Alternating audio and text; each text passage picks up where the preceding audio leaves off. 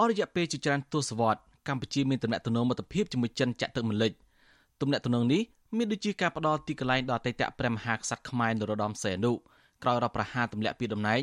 របស់សេនាប្រមុខលន់ នល់ការគ្រប់គ្រងរបបមេដឹកនាំខ្មែរក្រហមឲ្យប្រព្រឹត្តបទក្រិតសង្គ្រាមបល័យពូជសាសន៍ហើយបច្ចុប្បន្ននេះរដ្ឋាភិបាលក្រុងប៉េកាំងបានងាកមកគ្រប់គ្រងរបបក្រុងភ្នំពេញរបស់លោកហ៊ុនសែនម្ដងការគ្រប់គ្រងរបស់រដ្ឋាភិបាលចិនហាក់មិនខ្វល់ពីការគោរពសិទ្ធិមនុស្ស ហើយនឹងច្បាប់របស់កម្ពុជាទេពលគឺគេគិតតែពីកិច្ចព្រមព្រៀងរវាងប្រទេសនិងប្រទេសដើម្បីផលប្រយោជន៍របស់ខ្លួនក្រោមរូបភាពការអភិវឌ្ឍលើដីកហិនក្រោមដីកហោចឈូសឆាយព្រៃឈើលុបបឹងទន្លេសមុទ្រហើយលើសពីនេះប្រទេសចិនជួយកម្ពុជានៅក្នុងទម្រង់ជាការវិនិយោគឥណទានប្រាក់កម្ចីដើម្បីកសាងហេដ្ឋារចនាសម្ព័ន្ធជាធ្នូមកវិញនៅរដ្ឋាភិបាលធ្វើការសម្បទានឲ្យក្រុមហ៊ុនចិនដែលអាចមានរយៈពេល99ឆ្នាំ ហើយបាក់ដៃឲ្យវិនិយោគចិនចូលមកនេះបង្កមានការរំលោភយកដីធ្លីរបស់ពលរដ្ឋការម្ដេញចេញពីលំនៅឋានវិនិស្សកម្មព្រៃឈើហើយនឹងការរំលោភសិទ្ធិមនុស្សយ៉ាងធ្ងន់ធ្ងរផងដែរលោកហ៊ុនសែនលើកឡើងថារដ្ឋាភិបាលកម្ពុជាខ្ចីលុយចិនដើម្បីវិនិយោគនៅក្នុងប្រទេសកម្ពុជាហើយបានចាត់ទុកការរិះគន់ទាំងឡាយថាជាការបន្ទុយបង្អាក់ទំនាក់ទំនងរវាងកម្ពុជាចិនតែលោកថាកម្ពុជាបច្ចុប្បន្នមិនមែនខ្ចីតែចិននោះទេគឺបានខ្ចីពីប្រទេសជាមិត្តនិងអង្គការដៃគូអភិវឌ្ឍជាច្រើនផ្សេងទៀត ការខ្ចីទៅនេះទៀតសោតកម្ពុជាបានគិតគូរល្អិតល្អន់ហើយយ៉ាងច្បាស់លាស់ណាស់ហើយប្រាក់កម្ចីដែលកម្ពុជាខ្ចីនោះមានអត្រាការប្រាក់ទាបធនាគារពិភពលោកត្រៀមឲ្យយើង1000លានធនាគារអាស៊ីប្រហែល600លានជប៉ុនក៏មានមួយផ្នែកចិនក៏មានមួយផ្នែកធនាគារអឺរ៉ុបក៏មានមួយផ្នែកបារាំង AFD ក៏មានមួយផ្នែកអាហ្នឹងវាទៅជាតម្រូវការការលើកឡើងរបស់លោកហ៊ុនសែនបែបនេះ ត្រូវបានអ្នកវិភាគមើលឃើញថាទង្វើរបស់ចិនហាក់ងប់ងល់នៅអន្ទាក់ដើម្បីធ្វើអាណានិគមលើកម្ពុជា ជាប្រយោលតាមរយៈការផ្ដល់កម្ចីដ៏ច្រើនលើលោកផ្អែកតាមរបាយការណ៍ក្រសួងសេដ្ឋកិច្ចនិងរ៉ែវត្ថុដែលចេញផ្សាយកាលពីឆ្នាំ2020កម្ពុជាជំពាក់ចិនដល់ទៅជាង3700លានដុល្លារឬស្មើនឹងជិត47%នៃទំហំបំណុលសរុបដែលកម្ពុជាជំពាក់បរទេសលុយដែលខ្ចីពីចិនភាគច្រើនផ្ដោតទៅលើការអភិវឌ្ឍប្រព័ន្ធធារាសាស្ត្រ ហេដ្ឋារចនាសម្ព័ន្ធនិងស្ពានជាដើមរបបក្រុងភ្នំពេញដឹកនាំដោយលោកហ៊ុនសែនបង្ហាញគោលជំហរចេញមុខការពីរបបក្រុងប៉េកាំងដែលប្រកាន់លទ្ធិកុម្មុយនីសការលើកឡើងនេះបន្ទាប់ពីមន្ត្រីក្រាក់ក្រាក់របបក្រុងភ្នំពេញបានសម្ដែងការមិនពេញចិត្តចំពោះតនកម្មអាមេរិកលើក្រុមហ៊ុនចិន UDG ដែលវិនិយោគលើគម្រោងអភិវឌ្ឍខ្នាតធំនៅខេត្តកកុងដោយសារតែពាក់ព័ន្ធទៅនឹងការរំលោភសិទ្ធិមនុស្សនិងដីធ្លីកាលពីខែកញ្ញាឆ្នាំ2020 លោកហ៊ុនសែនបានចាត់ទុកថារបាយការណ៍របស់អាមេរិកជាតនកម្មប្រជែងឥទ្ធិពលនយោបាយមកលើកម្ពុជានិងជ្រៀតជ្រែកកិច្ចការផ្ទៃក្នុងទោះបីជាយ៉ាងណាអ្នកខ្លំមើលបរិស្ថាននិងសង្គមស៊ីវិល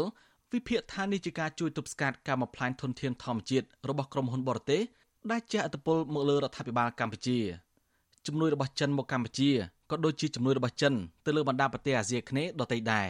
ផ្ដោតសំខាន់ទៅលើការកសាងហេដ្ឋារចនាសម្ព័ន្ធបំណងអាចដឹកជញ្ជូនធនធានធម្មជាតិ រួមមានលោហៈធាតុរ៉ែមាសថ្មម៉ាបនិងរ៉ែដែកជាដើមទៅកាន់ប្រទេសចិន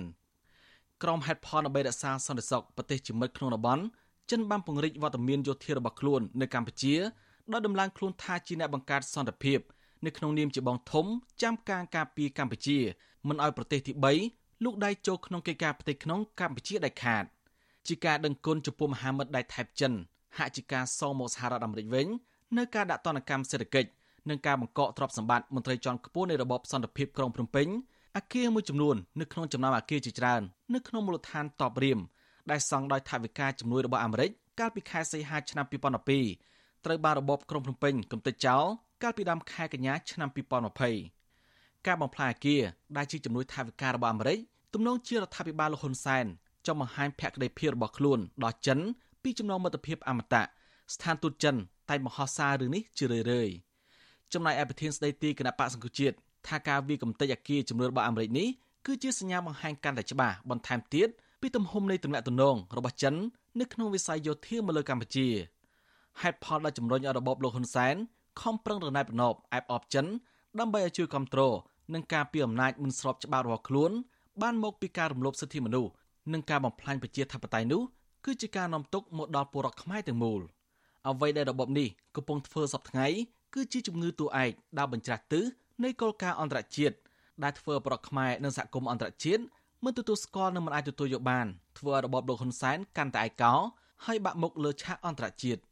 លើពីនេះទៀតអ្វីដែលគ្រោះថ្នាក់បំផុតរបបលោកហ៊ុនសែនគឺបំរើតែបពពួកនិងក្រុមរបស់ខ្លួនប្រែក្លាយកម្ពុជាជាអាណាចក្រគ្រួសារនិងបពពួកនិយមផ្ដាច់មុខពិបាកឲ្យអ្នកដទៃចោះចូលប្រយោជន៍សេដ្ឋកិច្ចប្រយោជន៍សង្គមបរិស្ថានជាដើមត្រូវបានគេយកទៅចន់ឈ្លី ហើយបំរើតែផលប្រយោជន៍ក្រុមបុគ្គលអ្វីអ្វីខ្ល้ายជាទំនាស់រវាងក្រុមលោកហ៊ុនសែននិងគោលការណ៍អន្តរជាតិដែលគេមិនអាចលុកដៃធ្វើទំនាក់ទំនងជាមួយក្រុមលោកហ៊ុនសែនបានសរុបសេចក្តីមកឃើញថាគុណស្រ័យរបស់រដ្ឋអំណាចចិនស្ទើរតែគ្មានផលប្រយោជន៍អ្វីទាំងអស់ដល់ប្រជាជនកម្ពុជានោះទេផ្ទុយទៅវិញចិនបានខិតខំការពារអំណាចផ្ដាច់ការនៃរបបក្រុងភ្នំពេញដើម្បីបានមូលដ្ឋានសម្រាប់តាំងកងទ័ពសម្រាប់ប្រឆាំងទៅនឹងឥទ្ធិពលរបស់ប្រទេសលោកខាងលិចតែប៉ុណ្ណោះ ខ្ញុំសនចាររថាអាស៊ីសេរីរាយការណ៍ពីរដ្ឋធានីវ៉ាស៊ីនតោន